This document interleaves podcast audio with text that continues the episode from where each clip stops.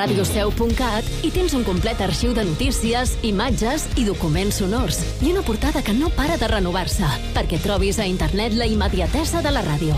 La pàgina web de Ràdio Seu, el referent informatiu local. Entra a radioseu.cat. Hem millorat per a tu. I recorda que també pots trobar les nostres notícies a les xarxes socials. Busca'ns al Facebook, Twitter i Instagram.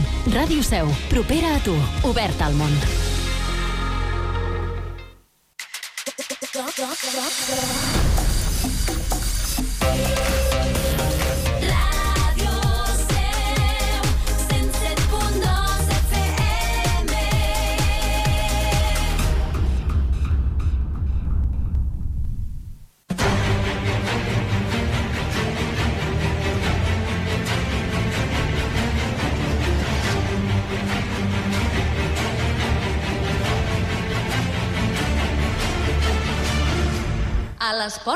Troia, amb Alberto Reche, Sergio Rodríguez i Albert Abril.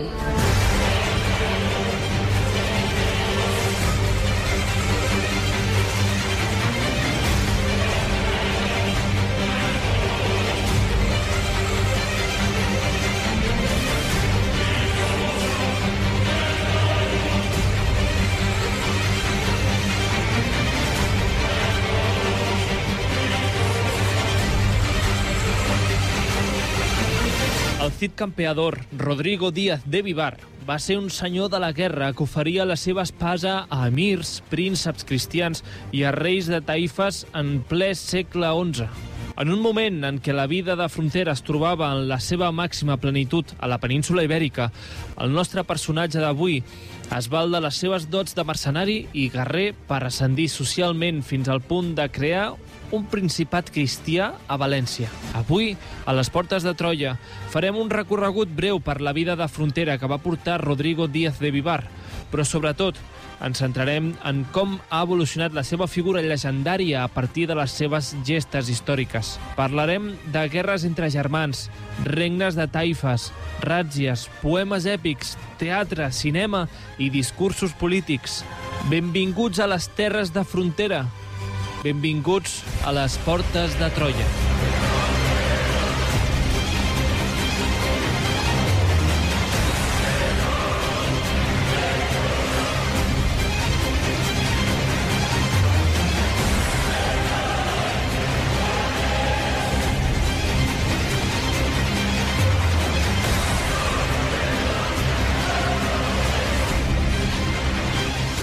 Benvingudes una setmana més a les Portes de Troia, el programa de ràdio d'història de la xarxa de comunicació local des dels estudis de Ràdio Castellar i sonant per totes les ràdios de la xarxa que ens programen a les seves graelles i també disponible a través dels formats de podcast, Spotify, iVox i similars. Avui programa 394 per parlar de Cid i la seva historicitat i ho fem amb el nostre historiador Albert Abril. Benvingut. Com anem? Molt bé. Fa, fa, fa dies que, que, no no, ens gravem, que no gravem tu i jo sols. Efectivament, doncs uh -huh. encantadíssim de fer-ho i per parlar del Cid, qui, què millor, què millor. Eh, què millor, exacte. Què tenen en comú, Albert, el Cid i el rei Artur? M'agrada molt que em facis aquesta pregunta, perquè són dos personatges que... Eh, bueno, el, el rei Artús, òbviament, tinc un amor personal per ell, eh, i el Cid, doncs, bueno, és un personatge que sempre desperta com certa eh, curiositat històrica, mm, no? sí. I, a més, és un personatge que és, per desgràcia, molt present al nostre dia a dia, perquè regularment apareix en discursos polítics, en, en mítings, en, en tuits desafortunats. Vull dir, és un personatge que, bueno, que sempre està allà. En, en discursos polítics seria el Cid, no? El, el cis. En, en, la- en l'altra llengua cooficial de l'Estat, Sí, exacte. aquella altra, li diuen el Cid. El, el, el, el Cid, cam, campeador? És que, Bueno, no, és que no, ni la parlo bé, aquesta llengua. uh, en fi, però és, és un personatge uh, que, igual que el rei Artús, uh, són personatges um, fundacionals no? de, de dues nacions diferents, una l'anglosaxona i l'altra la- l'espanyola, en aquest cas. Uh, veurem no? que són dos personatges que, bueno, com tots aquests grans personatges èpics de l'edat mitjana, que són, són personatges llegendaris, pseudo-llegendaris, pseudohistòrics, no?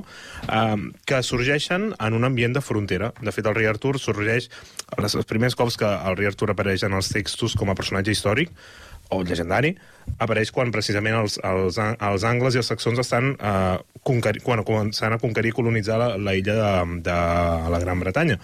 Um, i llavors són els britano-romans de l'època, no, entre moltes cometes, que fan front a aquestes invasions no, en un territori de frontera i comencen a sortir poemes uh, be, um, èpics relacionats amb aquesta figura. Uh -huh. Així, resumit, uh, a, a grans trets. El teu programa va tenir molt d'èxit ara fa ja uns anys. Em fa molts anys ja d'això. El, meu Dels primers, el- el teu primer? El meu primer programa, Les Portes de Troia.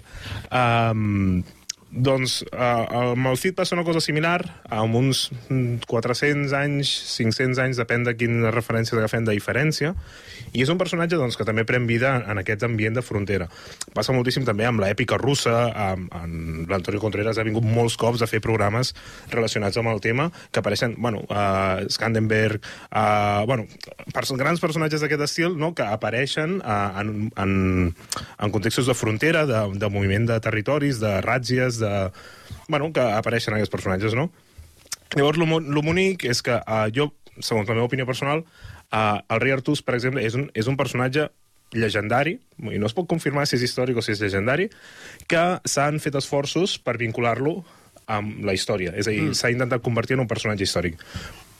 En canvi, amb el Cid passa exactament al, al revés. És a dir, sabem que és un personatge històric i cada cop va agafant un àmbit més uh, llegendari, no? I en aquest sentit són dos personatges llegendaris, fundacionals, nacionals, herois, etc, però que tenen aquesta petita diferència. I, bueno, òbviament, els dos han estat totalment manipulats uh, per, bueno, per ideologies, uh, romanticismes, etc. I, uh, de fet, el programa avui ho anirem veient. I, finalment, els dos també tenen elements molt associats, no? Babieca, Tizona, Excalibur, Camelot, Merlí, etc.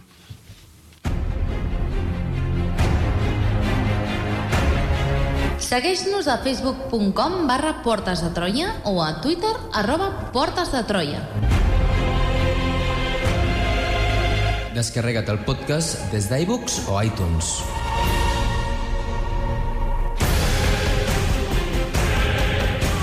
I descobreix tots els continguts del programa a la nostra pàgina web www.portesdetroia.cat.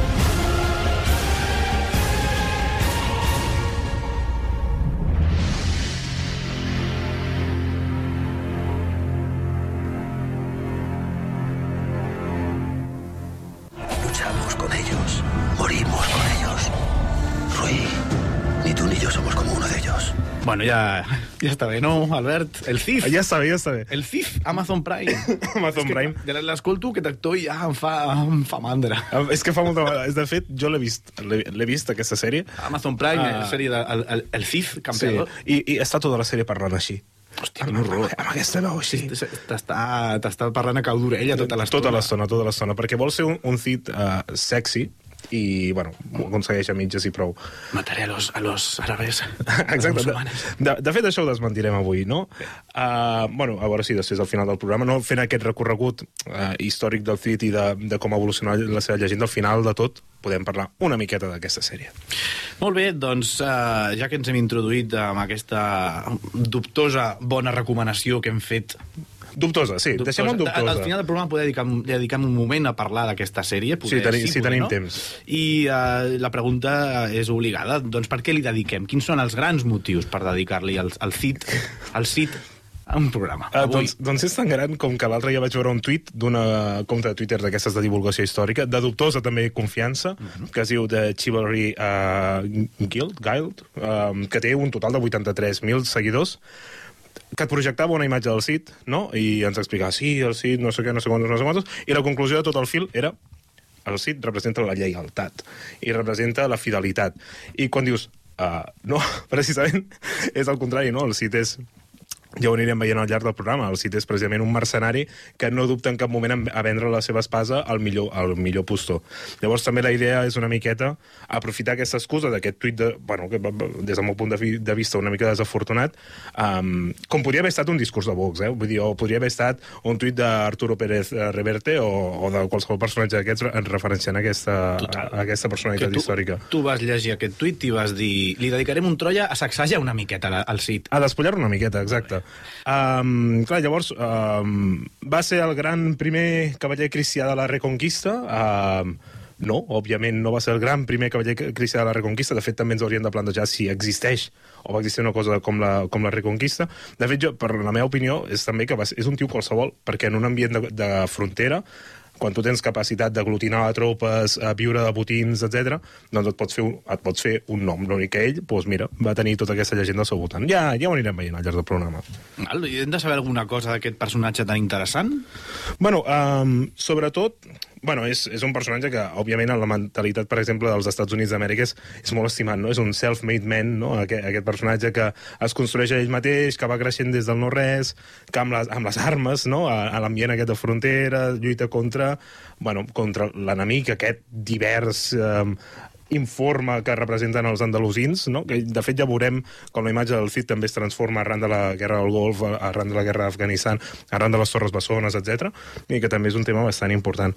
Uh, però sobretot és un personatge interessant per al que hem anat dient, no? és un personatge que està molt viu avui en dia. És un personatge que des de que es crea el seu mite original eh, és curiós perquè varia poquíssim i, de fet, es, es continua utilitzant eh, el, el Cid es continua, es, es continua utilitzant amb la mateixa finalitat que s'utilitzava més o menys al, al segle XIII. Uh, és el personatge clàssic no? i exemplar del que hem anomenat la, la reconquista o la recuperació dels territoris uh, de la península ibèrica i simbolitza l'heroi cristià que combat contra els musulmans. I es converteix en aquesta figura gràcies a tota l'obra literària que l'anirà acompanyant durant segles i segles i segles. Però bueno, la idea d'avui és una miqueta Um, suposo que a tothom ja li sona que el Cid no és el gran heroi cristià i ja ens sona tots una miqueta que d'una visió una miqueta més de, de, de mercenari Uh, però la idea d'avui és una miqueta doncs, mm, despullar-lo d'aquestes llegendes, d'aquestes tradicions i sobretot fer un repàs sobre com hem anat evolucionant. Molt bé, i l'estructura del programa d'avui, més o menys, quina serà? Jo penso que serà molt senzilla, eh, intentaré ser breu en el, en el context. Però sa- saps de sobre, i més en aquest país, Catalunya, que Sí. amenaçar amb ser breu no és, surt és, bé. és difícil. Ho he intentat, crec que l'he reduït a tres preguntes, eh? Vale. Però bueno, veurem com, com va la cosa. Farem una mica de context de com estava políticament la, la península ibèrica al segle XI. Llavors farem un breu repàs per la història, per la biografia, si volem, de, de Rodrigo Díaz de, de Vivar. I finalment, eh, per mi la part més, una mica més interessant, farem un recorregut per les idees que ha tingut associades al llarg de tota la història després de- d'haver viscut la seva vida, com s'ha anat transformant la seva imatge. Molt bé, doncs, estimats oients, prepareu-vos, anem de la maneta de l'Alberta per aquest viatge i què hem de conèixer? Doncs de la península ibèrica del segle XI. Doncs aquest viatge eh, us porto a la maneta a descobrir la, el territori de frontera no?, que representa tota la, la península ibèrica de, del, segle, del segle XI. Um, és una cosa que ja hem repetit en molts programes. De fet, han vingut diferents convidats. Eh, nosaltres anem, també n'hem parlat d'aquesta vida de frontera, d'aquest territori que està dominat per una... Um, parlant sobretot dels territoris del nord, dels territoris cristians, que està dominat per una aristocràcia guerrera. És a dir, qui domina i qui té poder són el, aquelles persones guerreres que són capaces d'integrar aquesta vida de constant moviment, no? de rats i amunt, rats i avall, cavalcada cap aquí, cavalcada cap allà, ara pàries aquí, pàries allà, um, hostatges, uh, recompenses, etc etc. Um, llavors, per situar-nos uh, políticament parlant, anem, ens centrem primer en els regnes cristians del nord i, si us sembla, fem un repàs no? de, de, bueno, de, de dreta a esquerra. Òbviament, a l'Orient peninsular del nord tenim el comtat de Barcelona, que en aquell moment no ens l'hem d'imaginar com els comtats catalans que arriben fins a Tortosa. Tortosa no es conquereix fins al segle eh, XII, amb, amb Ramon Berenguer IV. Ens hem de centrar en un comtat de Barcelona que arriba més o menys a, a l'altura de l'eix Llobregat-Cardener. Vale? És, un, és un comtat de Barcelona que no que està vivint aquest territori de frontera, però no ha crescut gaire des de que els carolingis el van conquerir. Um, si anem una mica més a l'esquerra, eh, ens trobem a Aragó, que, és, o sigui, que, en, que està precisament en, en procés de conformar-se com a petit regne, precisament l'any 1035, amb, amb la unió dels comtats de Ribagorça, Sobrarb i Aragó, sota el regnat de Ramir I, que precisament Ramir I és el germà del, del rei de Lleó d'aquell moment, que després en parlarem un moment. Mm -hmm. Um, la- llavors, la frontera d'Aragó, també hem dit, és, és petitó. És, uh, queda més o menys a l'altura del castell de Loarre, que és un castell bueno, que recomanem, jo recomano als oients que és un castell preciós de, de visitar. És un castell que es deixa d'utilitzar molt ràpid perquè la frontera es desplaça cap al sud uh, i llavors comença a prendre altres funcions, però és, preciós, és molt bonic. Um, Llavors, um, si anem una mica més cap a l'esquerra, ens trobem el regne de Pamplona o el regne de Navarra, que en aquell precís moment estava vivint el seu desmembrament. No? A una part se la queda Aragó, um, gràcies a aquesta part que es queda Aragó es forma el, el regne, i una altra part, que és el comtat de Castella, se'l queda el, el rei de Lleó més o menys, que de fet el regne de Castella es forma més tard, no el 1065, però bueno, si tenim temps ja en parlarem d'això. Molt bé, avui el cas és que ens centrarem més eh, en el centre i l'occident peninsular. Sí, exacte. De fet, avui ens centrarem una mica tot arreu, perquè veurem Perquè que el aquestes Cid... alçades, perdona, al segle XI la, la frontera està al, al, amb els andalusins, al riu Duero, al Tajo... Uh, si, si no m'equivoco, està per al Duero... En, entre, de fet, està en la zona aquesta que se- s'anomena l'Extre- l'Extremadura, no? Que és aquesta zona que queda precisament Entre... Això, això em va patar el cap molt d'un programa que vam fer, no me'n recordo si tu hi eres ara, on vam parlar de fronteres, i, i, i el, Ah. el que venia, de, el nom Extremadura, Sí. era més, més, més enllà del, del Duero, Exacte. en aquest moment, en moment O sigui, de, queda més enllà del Duero, entre el, el Duero i el... en aquest moment de d'aquesta època, vaja, de Exacte. conquesta d'aquesta zona. Sí, sí, i de fet precisament es, es, coneix, es, es, cone- es coneix amb aquest nom precisament per això. Um, però, bueno, cal tenir en compte una mica això, no? que el Cid sí que comença la seva història al regne de Lleó, al regne de Castella, però s'anirà desplaçant moltíssim per la península ibèrica. De fet, tots sabem on acaba la història del Cid, que és eh, precisament a València. Bueno, de fet, la història del Cid acaba a Burgos, no? a, la, a la catedral on trobem la seva tomba, que a saber si està ella dins o no. Um, però, en fi, Uh, els territoris cristians del nord, del centre i de l'occident estaven dominats per la figura, en aquell precís moment, de Ferran I de Castella, que era un personatge que havia aconseguit aglutinar uh, molts territoris uh, sota el seu domini. De fet, ell i els seus germans uh, concentraven gran, gran part dels dominis cristians. De fet, ell eh, era el rei de Castella, un germà era rei d'Aragó i l'altre germà era rei de Navarra. És a dir, eren tres germans que dominaven gairebé tot el nord peninsular. Um, són germans que es caracteritzen per tenir una política expansiva.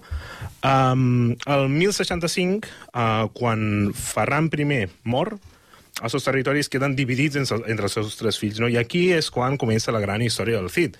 Uh, Alfons uh, VI es queda a Lleó, uh, Sans, Sancho uh, es queda a Castella i Garcia es queda a Galícia. No? Llavors també apareix la germana, no? que Urraca, eh, que es queda a la ciutat de, de Zamora.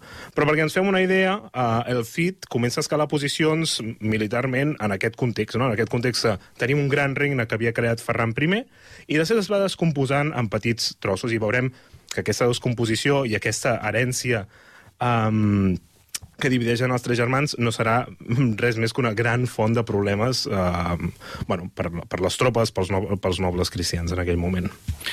Molt bé, i a l'altra banda, A qui tenim? A l'altra banda, eh, tenim el que, vi, el que un parell de dècades abans havia estat el gran califat eh, Omei, el gran califat de Còrdoba, que, bueno, ja en vam parlar, quan vam parlar d'Abdel Rahman III, um, que era un... Bueno, i quan vam parlar del Mansor, etc. Parlat ja... N'hem parlat bastant. Sí. Um, estem parlant d'un territori que és enorme, un territori uh, lluent, no? um, molt, amb una administració molt profunda, però també sabem que el, a partir de l'any 1031 més o menys aquest califat es descomposa i es formen els regnes de, de, de taifes. Llavors, els regnes de taifes són entitats polítiques molt més petites, molt més independents, amb un control molt més eh, minúscul sobre el territori. Llavors, serà precisament en aquest context quan els regnes cristians del nord aprofiten per expandir-se territorialment cap al sud. Um, a més a més, uh, això passa el 1031. Aquí el, el, el, el Cid encara no ha nascut. Però més enllà, quan arribem al 1085, vindrà la invasió del, del nord d'Àfrica, dels almoràvits, que era bueno, una, una branca no, uh, religiosa de l'islam molt més uh, fundamentalista, molt més tradicionalista, molt més dura, que el que fa és conquerir la, els regnes de taifes. Llavors, és un moment no, en què els regnes de taifes es troben um, amb els regnes cristians del nord, que els estan apretant cap al sud, i amb els algonàvits del sud, és a dir, del, del nord d'Àfrica, que els estan apretant des, de- des de sota. Un sandwich. Un sàndwich, i a més a més és que els regnes de taifes també es fan sàndwich entre ells, perquè veient que un ataca l'altre... La... Bueno, igual que passa amb els regnes cristians, que és una, és una cosa que ja veurem. Uh -huh. Molt bé, i uh, doncs bé, posem fil a l'agulla. Uh, posem, comencem per, ara sí, la història del Cid, uh, explicant la seva biografia. Exacte. Um, el Cid és el... o Rodrigo, no en aquest cas, és, era un cavaller de la petita, noble, de la petita noblesa. Ell era nascut a Vivar, no? Rodrigo Díaz que de. Vivar. Uh, que era... Uh, que sorpresa, sí. Uh, que era, bàsicament, bueno, en un poble petit a prop de Burgos. Um, el Cid és una persona que al llarg de la seva vida el que fa és posar el seu talent de guerrer i de senyor de la guerra al servei dels reis de Castella, però és que també dels emirs musulmans, també del rei d'Aragó, també veurem que té relacions amb, el, amb els comtes de Barcelona. I, bueno, és, és un personatge que és capaç d'aglutinar i de pagar una tropa molt diversa.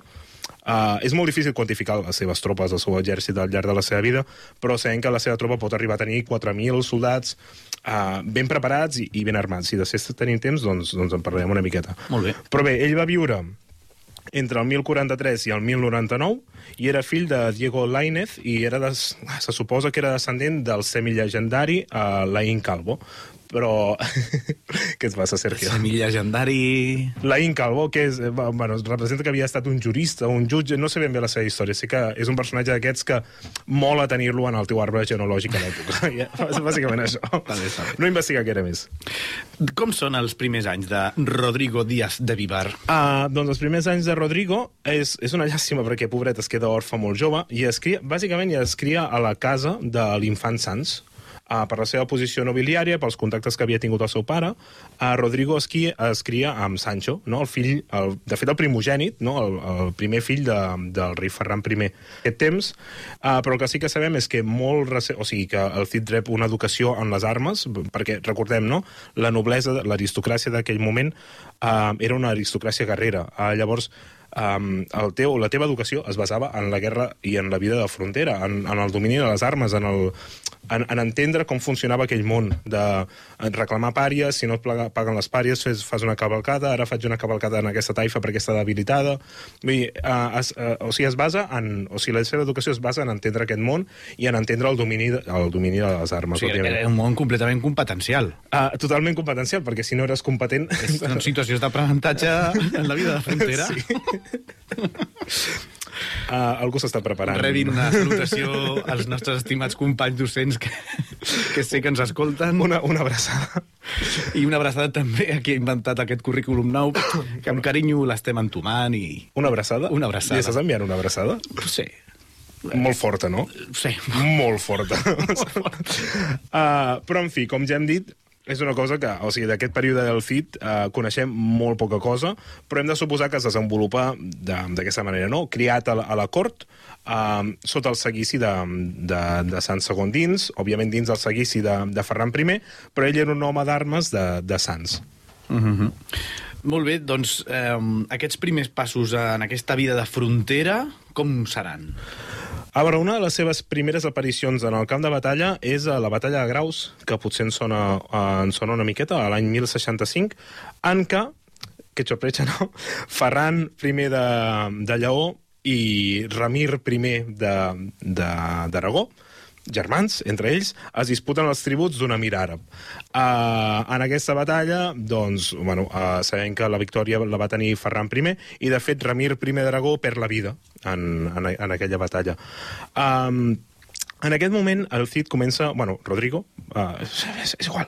Rodrigo comença a llaurar-se tot, un- tot un nom uh, i comença a ser una persona que és capaç de, de començar a aglutinar, no?, a, a persones, a tropes, a tropes, repeteixo, tropes expertes, perquè estem parlant, en aquella època, a, estem a, a, a mitjans del segle XI, que és quan està començant a aparèixer la nova cavalleria pesada, que és una cosa que revolucionarà els camps, de, els camps mm. militars d'Europa. De fet, fa res, el mil... Bueno, de fet, està a punt de passar, el 1066 precisament, hi ha la batalla de Hastings, a Anglaterra, que és quan Guillem el Conqueridor derrota um, bueno, de, de, de Roca Har Harold, que era el, el rei d'aquell moment d'Anglaterra, instaura la dinastia no normanda a Anglaterra. I precisament aquella batalla, es, i a més amb, amb el tapís de, de Bayer, uh, sabem perfectament que com anaven armats els cavallers, uh, veiem quines llances s'utilitzen, vull dir, uh, cavalquen d'una manera totalment diferent a, un, a fer un segle anterior, i és, és, és tot un sistema de guerra que s'està modernitzant.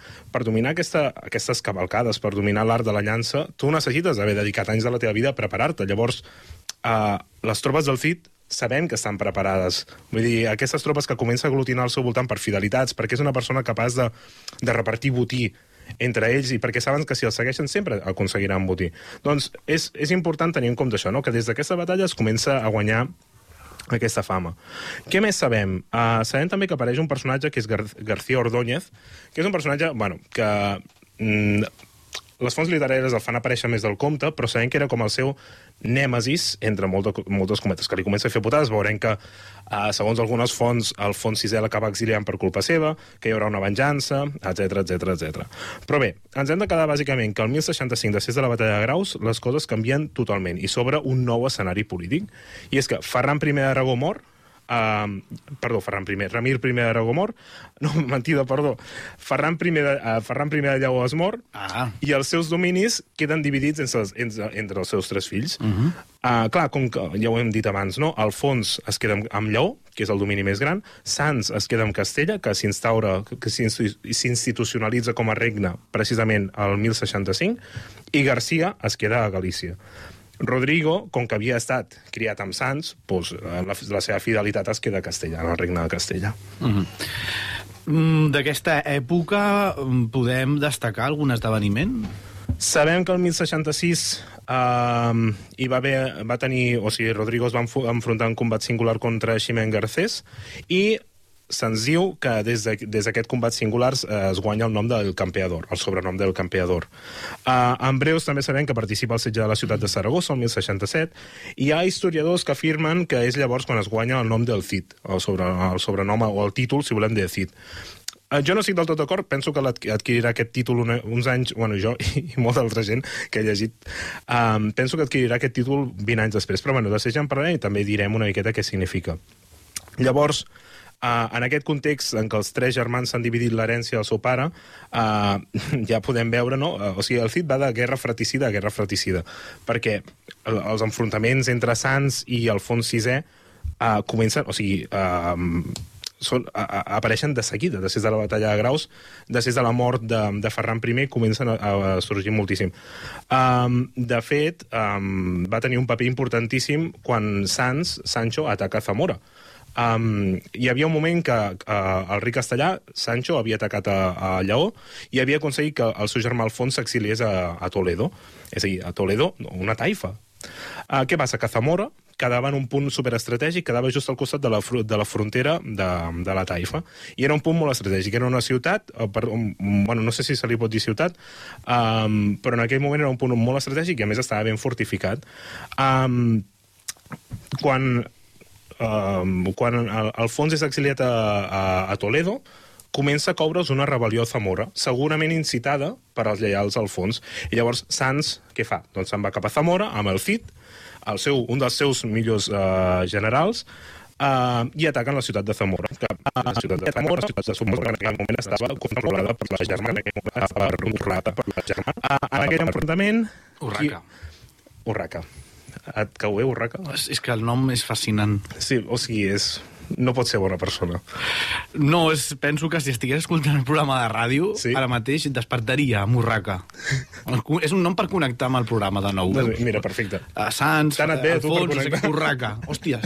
Que- Sans, Alfons, uh, la gent Rodrigo... connecta amb aquestes coses. En- en- Els, els que escoltem el programa connectem així. Urraca, què, què, què? M'encanta perquè és els que, els que escoltem. Estic, estic posant-me al costat de... a l'altra banda. Està bé, està jo estic escoltant el programa Està- mentre sí, tu sí, parles, sí. oi? Em em sembla Connecto, perfecte. dius Urraca i entro un altre cop. Em sembla perfecte. Um, en aquell enfrontament, precisament qui perd la vida és Sans de Castella, el, bueno, el mecenes, no? el, el rei de, de Rodrigo. Val, doncs, ah, clar, ara tenim justament a, a Rodrigo sense el seu mecenes, el seu protector. Uh, com es buscarà la vida? Uh, de fet, no se la va buscar gaire en aquell moment, perquè precisament al fons, uh, clar, quan mor Sans, uh, automàticament la corona de Castella se'n va cap al seu germà Alfons, el, el rei de Lleó.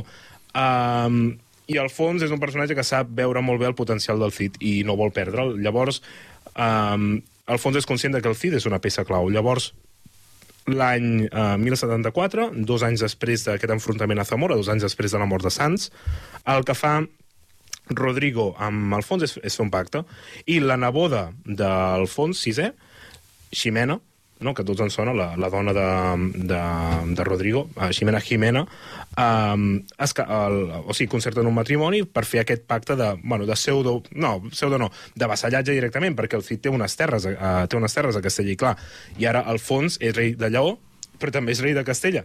I veurem que també serà rei de Galícia, perquè Garcia també també mor. Um, que en aquell moment, doncs, Rodrigo està lligat al fons, però continua fent una mica la seva com a senyor de la guerra i, òbviament, com a guerrer de, de frontera amb la seva, amb la seva host. Um, per exemple, sabem que el 1079 ajuda la taifa de, Sevilla contra el, contra la taifa de Granada. Uh, pel camí també ajuda Alfons contra el, el rei de Navarra, contra el Sotiat. Uh, tanmateix, aquesta situació uh, s'allarga més o menys fins al 1081, ja veiem que anem avançant en la cronologia, i és que en aquest punt Rodrigo uh, realitza una cavalcada una ràtzia contra la taifa de Toledo sense el consentiment del seu estimat rei Alfons. Uh, I això, Albert, quines conseqüències va tenir, podria tenir? Um, va tenir unes conseqüències que a nosaltres ens poden semblar molt fortes, però el, el, jo penso que el Rodrigo del moment sí que li van semblar fortes perquè perdia possessions territorials, però en la seva, o sigui, no eren la seva màxima font d'ingressos. Llavors, jo penso que no va ser un gran impacte. Um, I és que Alfons i aquí algunes fonts literàries ens diuen que incitat per García Ordóñez, aquest rival arxienemic de, del Cid, el que fa al fons és l'escena aquesta tan típica que el que fa és exiliar uh, el Cid. Llavors, Rodrigo i la seva mainada uh, no tenen cap més remei que convertir-se en mercenaris. Clar, Rodrigo no pot fer res més. Si no pot viure a les rendes de les seves terres, com es guanyarà la vida? I, a més a més, té tot de petita noblesa que l'està seguint, eh, tot de guerrers, soldats eh, profe gairebé professionalitzats, no?, que el segueixen. Um, ha acumulat lleialtats eh, a través de botins, a través de pactes. Eh, mm, L'única manera que té de sobreviure és convertir-se en mercenaris. Llavors el que fa és ven la seva espasa, intenta vendre la seva espasa als comtes de Barcelona, Ramon Berenguer II, Berenguer Ramon II, no? és que és, Aquí, és l'època. A Ramon Berenguer És II. meravellós, això, i- és, és fantàstic. Um, és l'època dels Ramons Berenguers i els Berenguers Ramons. Sí, sí, és, és- és és, és fantàstic. Um, però aquests oferiments no són acceptats i es veu que hi ha una mica de violència a la cort, a cort entre cometes, de, de Barcelona, en què se suposa que el Cid acaba ferint un dels nebots del comte, bla, bla, bla. Però bueno, Uh, en fi, després d'aquesta negativa cap als comtes de Barcelona, el que fa és oferir la seva espasa al rei de la taifa de Saragossa, que de fet aquest rei havia participat a la batalla de Graus. Um, llavors, sota les seves ordres, no, el Cid ven la seva espasa a la taifa de Saragossa, primer exemple de que el Cid lluita bueno, ja ho hem vist no? entre les taifes de, de Córdoba i, i Granada però el Cid s'està venent a, a capdills musulmans a, a capdills andalusins sense cap mena de problema de fet és, és un mercenari en aquell moment, és un mercenari i llavors és, és el que ha de fer. Sota les seves ordres eh, comença a aconseguir tot de, tot de victòries contra els navarresos, contra catalans, contra valencians, etc. I és en aquell moment que es guanya que jo ho penso, i altres historiadors, òbviament, que es, pens, eh, es guanya el títol del, del Ci- eh, Cid, que prové de l'àrab eh, Sayid i que significa senyor. Mm. Sota les ordres de Saragossa participa en lluites contra el rei de Lleida, Tortosa i Dènia i contra els seus aliats, en aquest cas els comtes de, els comtes de Barcelona. I, de fet, clar, fa un moment, fa uns mesos, que el Cid ha anat a oferir la seva espasa als comtes de Barcelona. Pues uns mesos després, com que està lluitant per Saragossa, captura els comtes de, uh, el comte de Barcelona, en aquest cas Berenguer Ramon uh, II, i el fa hostatge, i el, té uns, i, el, i el té uns quants dies com a hostatge. Um, tot això va continuant. L'any 1083 um, el Cid torna a buscar una reconciliació amb el rei Alfons, no acaba de sortir de, del tot bé, però bueno, sabem que continua fent cavalcades per la zona d'Aragó, Morella, treba, treballant per taifes, etc. I hi haurà reconciliació amb, amb Alfons VI? Sí i no. És a dir, um, hi ha bastants cops que hi ha reconciliacions o, si més no, uh, acostaments, però el que sí que sabem és que a partir del 1085, quan els almoràvits comencen a entrar cap a la península ibèrica, és llavors quan Alfons veu la necessitat de tenir un home fort capaç de liderar tropes amunt i avall, eh, capaç de guanyar-se fidelitats, capaç d'aconseguir pàries ràpidament. Um, I és el 1086 eh, que Alfons és derrotat a Sagrajes pels almoràvits, la recent, la recent invasió aquesta, i davant d'aquesta derrota i amb la presència d'un enemic serraí molt més poderós que les taifes petites i independents, uh -huh. Alfons es veu obligat a cridar al Cid. I aquí comença una nova etapa en la que el Cid és fidel a Alfons. Um, en aquesta etapa el Cid recupera els seus territoris de, de castell, els seus feus, no? els, seus, els seus castells, i així, uh, i així doncs, el 1088 sabem que és, uh, fa el seu primer combat no? defensant la ciutat de València contra un atac del rei de Lleida i els catalans aliats, i també amb el suport dels almoràvits, uh, i sabem que aqu aqu aquesta defensa, uh, uh, ens, ens arriba per escrit que aquesta defensa la fa amb el consentiment i, de fet, també posem la indicació del rei Alfons VI de, de Castella. Llavors, Uh, aquest, aquesta, defensa, aquesta defensa contra lleidatans, catalans... Clar, recordem, Lleida en aquell moment és una taifa, no forma pas del comtat de, de, de Barcelona. Uh, es retiren davant de la presència del CID i de, del seu exèrcit. A les portes de Troia. La història a la ràdio. Descobreix tots els continguts del programa a www.portesdetroia.cat.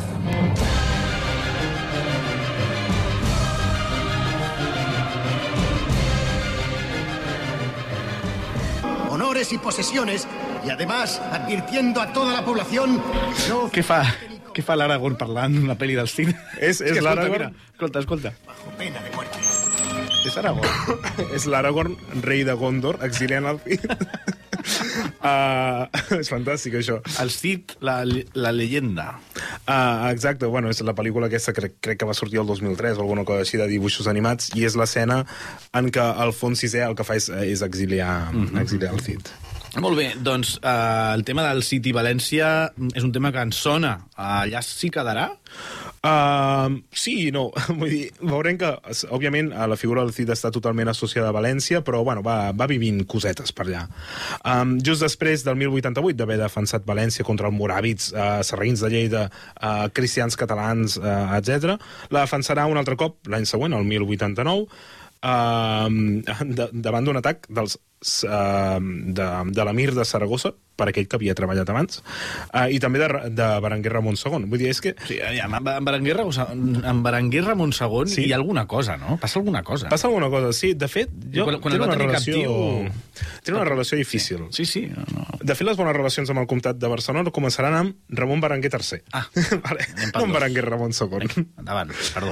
Uh, llavors, en aquell precís moment, el 1089, uh, Alfons era com, tornava a ser com el senyor del Cid i s'havia de reunir i s'havien de reunir en una batalla en la qual Rodrigo no hi va acudir en, en, per, per algun motiu concret. Uh, com que Rodrigo no va acudir, com que Alfons el té com una figura una mica delicada, el que fa és tornar-lo a declarar traïdor i l'exilia un altre cop, per tant, li torna a confiscar les terres de Castella. Uh, el 1090 torna a der- derrotar Berenguer Ramon II, el fa captiu Una altra vegada. una altra vegada. I, bueno, juntament amb altres nobles, demana, demana rescats, bla, bla, bla, bla, bla. S'intenta reconciliar un altre cop amb l'Alfons VI, el 1090, l'intent fracassa de nou, i finalment el Cid diu, a la mierda, vull dir, per què m'he de reconciliar amb, amb Alfons VI si jo puc crear un principat, si jo el que vull és assentar-me a l'orient de la península ibèrica. Uh -huh. I com s'hi assentarà a València? Clar, uh, el Cid en aquell moment té dos enemics molt clars, o dos perills. Per una banda tenim Alfons VI, que ja hem vist que l'ha declarat traïdor, l'ha desterrat gairebé definitivament, i per altra banda tenim els almoràvits, les taifes del voltant, el, el, el, els comtats catalans, el regne d'Aragó no li preocupen gaire perquè són territoris, són principats relativament petits. Llavors el que fa és consolidar, és, és a dir, el primer pas per assentar-s'hi, ja tenim València dominada, el, el primer pas per assentar-se eh, de manera estable és, és consolidar aliances amb els poders dels voltants. No? Per exemple, amb Sancho Ramírez, amb Sant Ramírez d'Aragó, i amb, i amb l'emir de, de Saragossa. De fet, el 1092 sabem que Alfons VI ataca, Vale, eh, ataca València bueno, perquè veu el Cid allà no, doncs, amb l'excusa de con continuar expandint els territoris castellans i, lla i lleonesos, doncs at ataca València. Um, un any, o sigui, el setge dura un any o així, uh, però sabem que el Cid su aconsegueix superar aquest atac no? atacant directament ell, dirigint una cavalcada cap als territoris castellans, mentre uh, Alfons VI està fent setge a la ciutat de València. I precisament les terres que ataca el Cid són les terres de García Ordóñez, que estaven a, a la zona de Rioja. Llavors veiem aquesta venjança pseudo-literària que, bueno, que ens, ens vincula amb aquest persona- personatge que és García Ordóñez. El 1094 el Cid pren possessió de València definitivament i llavors és quan organitza el règim de la ciutat i dels voltants, no? l'Horta de València, aquest territori tan, tan, tan fèrtil, i fa venir a, Xi- a Ximena i els seus tres fills, que, atenció, en aquell moment el Cid té tres fills, a Diego, Cristina i, i Maria, i els fa venir cap a València. Uh, I en aquest entremat és quan, per fi, quan uh, aconsegueix estabilitzar la ciutat de València, repel·lir Alfons VI, uh, aturar els almoràvits, establir aliances al seu voltant, és quan s'allibera de la tutela del rei i es queda definitiva, uh, definitivament a València. I allà s'instal·la podríem dir que el primer estat cristià envoltat de terres musulmanes al segle XI. Llavors, és un personatge que és capaç d'imposar pàries a les taifes del voltant i també, eh, i també als principats del, del seu voltant.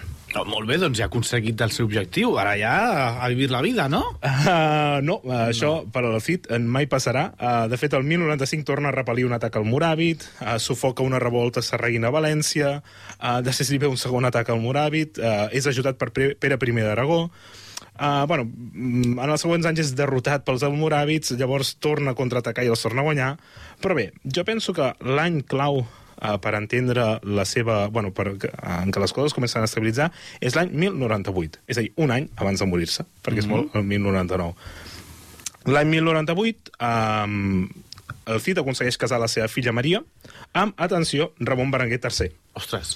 Fill no, de Berenguer Ramon II, que en aquell moment era el, el comte de Barcelona. És una fantasia. Una és, fantasia. És un moment de fantasia, aquest, aquest tema. Un dia podríem dedicar un programa a Ramon Berenguer I, Berenguer Ramon I, Ramon Berenguer II... No m'ho perdo. No. Ja, ja ho farem l'Albert, això, no passa res. Estupendo. I, a més a més, la seva filla Cristina també la casa amb l'infant aragonès eh, Ramir. Per tant, acaba de sentar dues aliances matrimonials amb el comte de Barcelona, que té gairebé la categoria de, prín... bueno, té la categoria de príncep, i amb l'infant d'Aragó. Per tant, sembla ser que està estabilitzant la seva posició tant social com territorial. Tothom l'està acceptant com a senyor de València en aquell moment.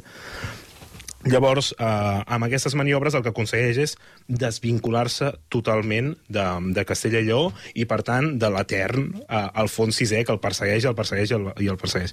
I veiem com, definitivament, eh, el Cid, un personatge que comença a, a Burgos, no, a la zona de Burgos, queda enquadrat i queda emmarcat en els territoris cristians de l'Orient peninsular.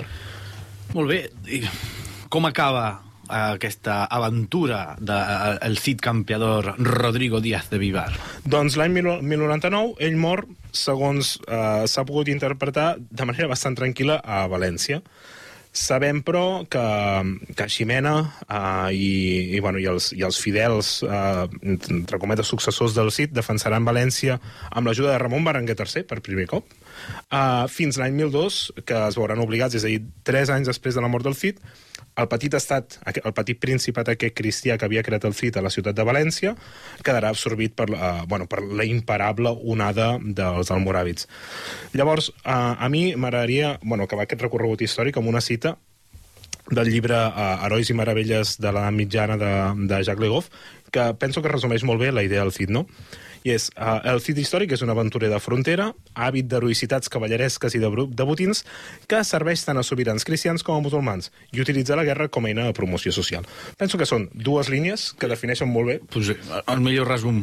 Millor resum, nosaltres hem trigat 40 minuts. Bueno, per arribar a això. Jacques, Le- Jacques Le Goff ho fa amb, amb dues línies. Bueno, mira. Uh, llavors, en aquest sentit, no, i ara començarem una mica el recorregut uh, literari del Cid, el Cid va ser un heroi cristià, però també va ser un heroi castellà. Però la, la ironia de tot plegat, no?, és que la seva més gran aventura no és a Castella, sinó que és volent-se deslliurar del jou de Castella i fundant precisament un principat ben lluny de Castella a les terres de, a les terres de València. Molt bé, doncs fet aquest eh, breu, en, en Jacques Le Goff mata amb tres línies i tu has trigat eh, uns 36 minuts, més o menys, Més o no menys, fa. més o menys. Uh, fet aquest breu repàs, és el segon bloc que anunciaves quan amenaçaves amb ser, amb ser curós uh. -huh. amb el temps. Ja hem acabat amb el repàs del Cid. Ara centrem-nos en com evoluciona la seva imatge literària i llegendària. Quina serà la primera transformació que aquest personatge històric viurà? Abans de respondre d'això, fer un petit apunt, i és que hem resumit la vida del Cid o sigui, encara que hagin estat 40 minuts, ho hem fet molt... O sigui, hem, hem filat molt prim, vale? Ai, vull dir que no hem filat gens prim, que hem fet una cosa supergenèrica, vull dir que si us voleu informar més, òbviament, el Cid és un personatge ple d'historietes, de ràtzies, que la majoria són mentida, però no passa res. Però ràtzies, aliances, tradicions, etc etc. La majoria són mentida, però no passa res. Albert Abril, historiador. No passa res, està clar, ja, ja, ja ens entenem. A les portes, sempre a les portes de Troia fidels. Fidels a la El nostre- història. El nostre compromís I tant. per la veritat. Uh, en fi, Quina serà la, la primera transformació que viurà? Doncs el, el Cid és una persona que és una figura històrica que ràpidament, o sigui, després de la seva mort, passa a adquirir pers- eh, característiques cada cop més eh, de llegenda. De fet, al, al, segle XII, el personatge, o sigui, ja al segle XII, el, el personatge es transforma en un heroi cristià enfrontat als musulmans en una figura emblemàtica d'aquest procés de, de la conquesta cristiana contra els territoris musulmans. De fet, qui li fa una gran publicitat són els monjos benedictins de l'abadia de Cardenya, que és, eh, bueno, que és de fet on, on va ser enterrat ell i la seva, i la seva esposa Xi- Ximena. I seran aquests monjos de l'abadia de Cardenya els que asseguren la seva fama definitiva? S- Sabem que no, vull dir, la fama definitiva del Cid ve donada sobretot per al, al cantar del Mio Cid, no? aquest poema uh, literari anònim que s'escriu entre el 1100 i el 1100, uh, perdó, 1110 i el 1150, que és una cançó de gesta, que de fet l'Antoni Rossell va venir al programa 176 a parlar-ne, que el recomano moltíssim. Mm -hmm. I, aquest, I el Cid d'aquest cantar és, és, el, és aquesta idea, no? És castellà i només serveix a reis cristians i només mata a sarraïns. És a dir, en cap moment la seva espasa és llogada per un emir, no, no fos cas. Mm -hmm, clar. I eh, per entrar més en aquest poema, uh, fes-nos cinc cèntims del, del contingut. Bé, el, el poema del Miocid, no, el cantar del, del Miocid, eh, ja sabem, és, és una gran obra de, de la literatura castellana. També podríem dir, no, entre moltes cometes, una obra fundacional gairebé de la literatura castellana, que consta d'uns 3.700-3.800 versos d'extensió variable. Llavors el poema el que fa és relatar no, la sèrie de setges, ràtzies i combats en què Rodrigo sempre és un guerrer cristià que lluita contra els andalusins. Sempre. O sigui, no hi ha ni una ràtzia que la faci contra el comtat de Barcelona, una ràtzia que la faci contra el regne de Navarra. Mai. Uh, llavors, un altre tema del, del poema són les, difi les difícils relacions entre el, el Cid i el, i el sobirà, però sobretot um, una altra preocupació que i un altre tema que s'afegeix és la seva preocupació per la seva família, perquè les seves filles, perquè la seva dona, eh, perquè la seva dona acabin tenint un, un bon futur. De fet, en el poema èpic, eh, les seves filles es casen amb els, amb els infants de Carrión, que era una família eh, castellana, no? que tots ens sona quan estudiam el poema del Miocid, són los infantes de Carrión, que eren, bueno, que eren molt dolents no? en el poema. Però bueno, al final un, hi ha uns, dole, uns duels, uns judicis, no sé què, i uh, les seves filles i la, i la Ximena, doncs, bueno, les, les seves filles acaben amb bons matrimonis i en aquest terreny doncs, el Cid també surt victoriós perquè ha, ha aconseguit um, la victòria familiar també. I a més a més, aquests matrimonis estan vinculats a Castella, és a dir, ni, o sigui, València, òbviament, però els matrimonis vinculats a Castella, no amb el comtat de Barcelona i no amb el regne d'Aragó. Mm. Això també és interessant. Sí que ho és, sí.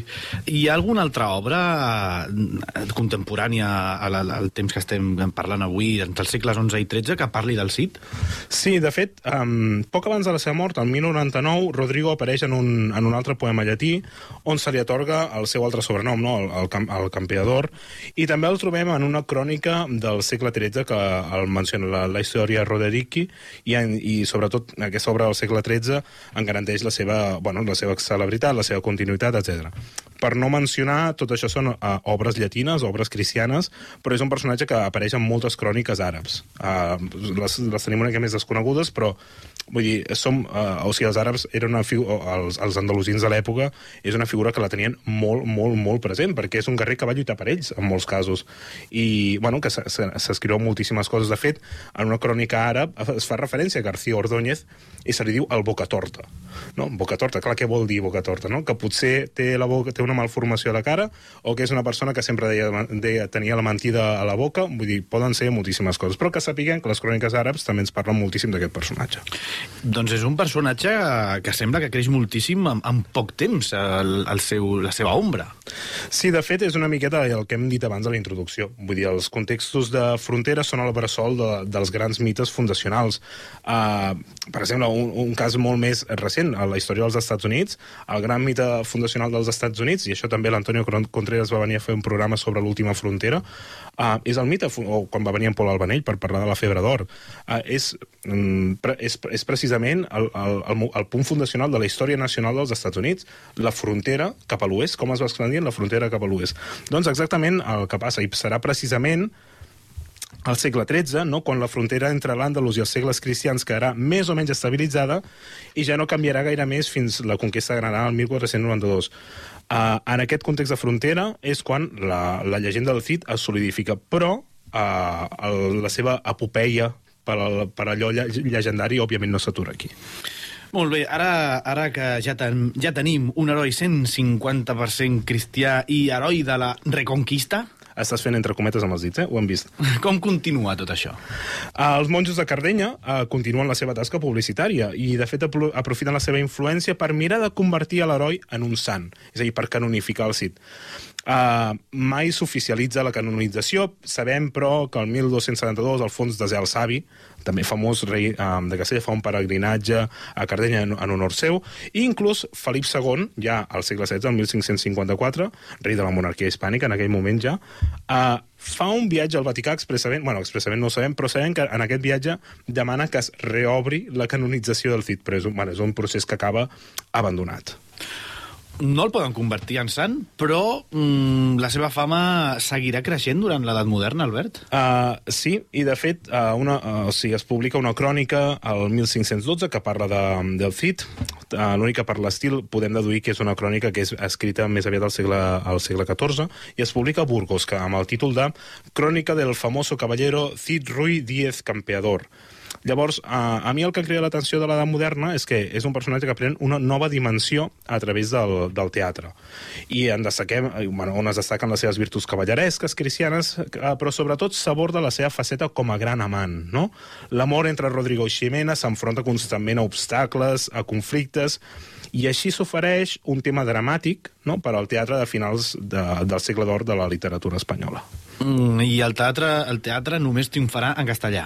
Uh, no, de fet, um, això és, és, eh, també m'ha cridat bastant l'atenció, i és que la, la dramatúrgia francesa, uh, la dramatúrgia francesa més clàssica, experiment, hi, ha un moment, hi ha un moment concret que el que fa és, és tenir una, una moda bastant hispanitzant. I, I prenen el tema i troba un cas i, i, bueno, i els francesos hi troben un cas exemplar d'heroi atrapat entre el deure i la passió. Per exemple, um, de Guillem de Castro, tenim, dramaturg castellà, tenim Les mocedades de Rodrigo, um, una obra escrita el 1561, o de Corn uh, Cornell, no sé si ho estic pronunciant bé, um, tenim Cid, del 1636. A les portes de Troia. Descobreix la teva història.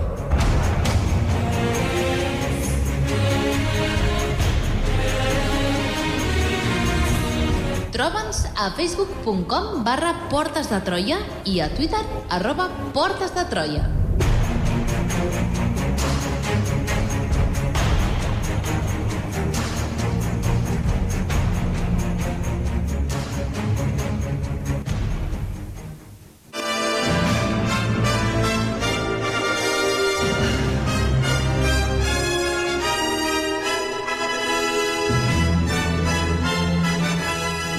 Recte final del programa parlant d'aquesta figura del Cid campeador amb el nostre estimat Albert Abril eh, i anem avançant el temps comprovant com la seva figura es va, va canviant, va mutant però al final sempre tenint un paper anem cap al segle XIX Uh, sí, de fet, el segle XIX, i és curiós perquè quan tu dius el Cid és carne de romanticismo, Sí. uh, i és curiós perquè el Correcte. Cid s'escapa de l'onada romanticista, però jo, jo penso que s'escapa, no és un personatge que es deixi d'utilitzar, però es deixa de reinventar. Uh, perquè penso que des del començament, des del segle XII-XIII, ja té la imatge que ha de tenir pel romanticisme, no? que és l'heroi castellà cristià que lluita contra musulmans. No cal donar-li gaires, gaires més voltes. Mm. Ja el tenim aquí. Uh, pel que fa al personatge històric, sí que passa una coseta interessant, el vi- 1849, en què Reinhard Dotzi, un historiador neerlandès, el que fa és agafar el personatge del Cid i l'esmicola totalment, no? I descobreix un altre cop el Cid històric, el, el despulla de totes les seves capes literàries i gairebé destrueix el... Uh, això gairebé destrueix el personatge, no? I a més a més és interessant perquè Dozzi és els primers historiadors que uh, relaciona la figura del Cid i la, la investiga a través de, de fonts andalusines, uh, un, precisament un savi nadiu de, de Portugal. Uh, això ho escriu...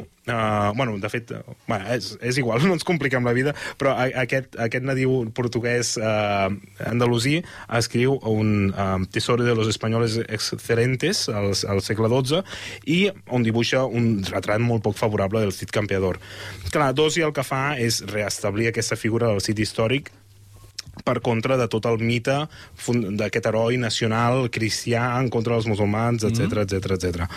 Clar, a començaments del segle XX, o sigui, ja un cop evolucionada aquesta etapa, eh, o sigui, sembla que tots els historiadors estan a favor d'aquesta versió que, ofere, que, que ofereix el neerlandès, però al segle XX eh, hi ha com una espècie de, a començaments, hi ha com una espècie de renaixement de la figura del Cid. De fet, el nostre estimat Ramon Méndez Pidal, no? aquest eh, gran talent, eh, aquest il·lustre filòleg i historiador de la literatura, eh, converteix el Cid en un... eh, o sigui, ara sí, en un heroi central d'una Espanya medieval glorificada. No? Aquest romanticisme que arriba una mica més tard eh, a Espanya, en el seu llibre eh, que es titula La Espanya del Cid, no? publicat el 1922, 29, perdó.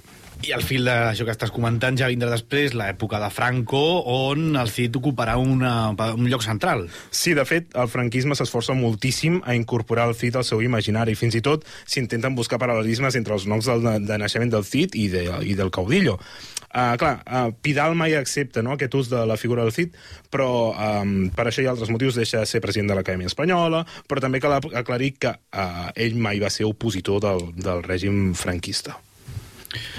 Doncs, eh, i, com és eh, que la visió glorificada que ofereix Pidal és, és la que es queda, la que perdura?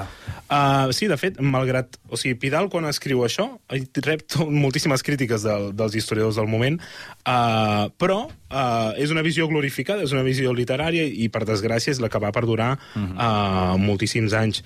Um, o sigui, això, això, és, això és espectacular perquè el, a mitjans del segle XX, no, durant el franquisme, doncs el Cid és, és utilitzat com a exemple de cavaller cristià, gairebé com, el, bueno, com els grans cavallers descrits per Georges Duby, Guillem el Mariscal... Um, el Cid queda emmirallat dins aquesta, bueno, dins aquesta categoria, quan en realitat va ser un mercenari de frontera que ja hem vist que venia a l'espàs del seu millor postor. Llavors, és molt curiós com el franquisme utilitza aquesta figura. Bueno, curiós no.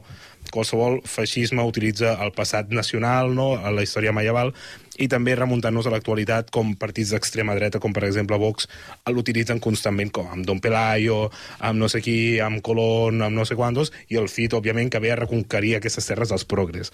No? Bé, és molt curiós com aquesta figura ha anat evolucionant fins a dia d'avui. No tenim, eh, no tenim temps per més. Uh, Abril Albert, uh, Albert Abril.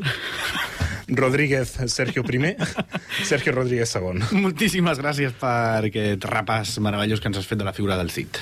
A tu, moltes gràcies. Fins la setmana vinent, el control tècnic, eh, l'Adrià Tirado també ens ha acompanyat. Moltíssimes gràcies qui us parla, Sergio Rodríguez, i nosaltres us esperem la pròxima setmana amb un nou eh, programa de les Portes de Troia.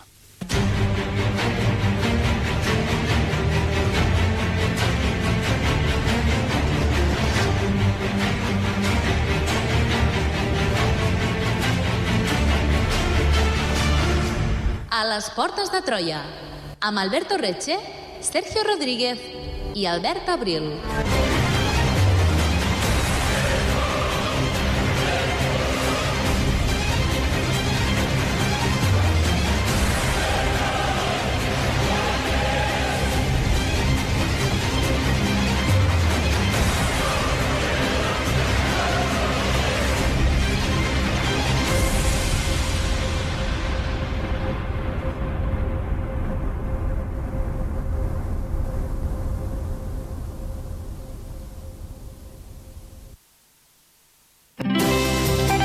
Escolta Ràdio Seu on i quan vulguis.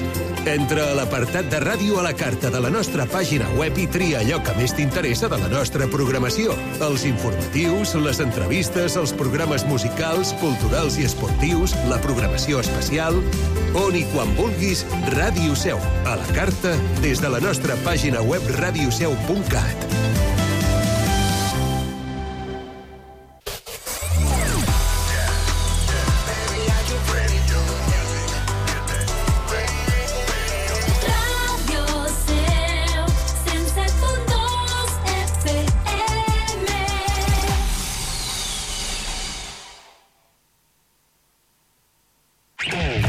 Dial, Ràdio Seu marca la diferència, perquè Ràdio Seu la fan els nostres col·laboradors. Una programació ideada per gent d'aquí, per a la gent d'aquí. Un equip en creixement per fer-te arribar una programació més interessant, plural, oberta i, sobretot, la més propera. La nostra veu, la proximitat, la diferència. Ràdio Seu, 107.2. Coneix tots els programes i col·laboradors de la teva ràdio a la nostra pàgina web www.radioseu.cat.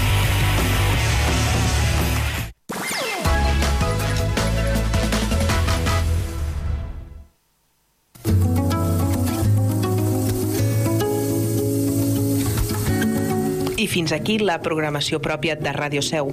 Connectem amb Catalunya Ràdio.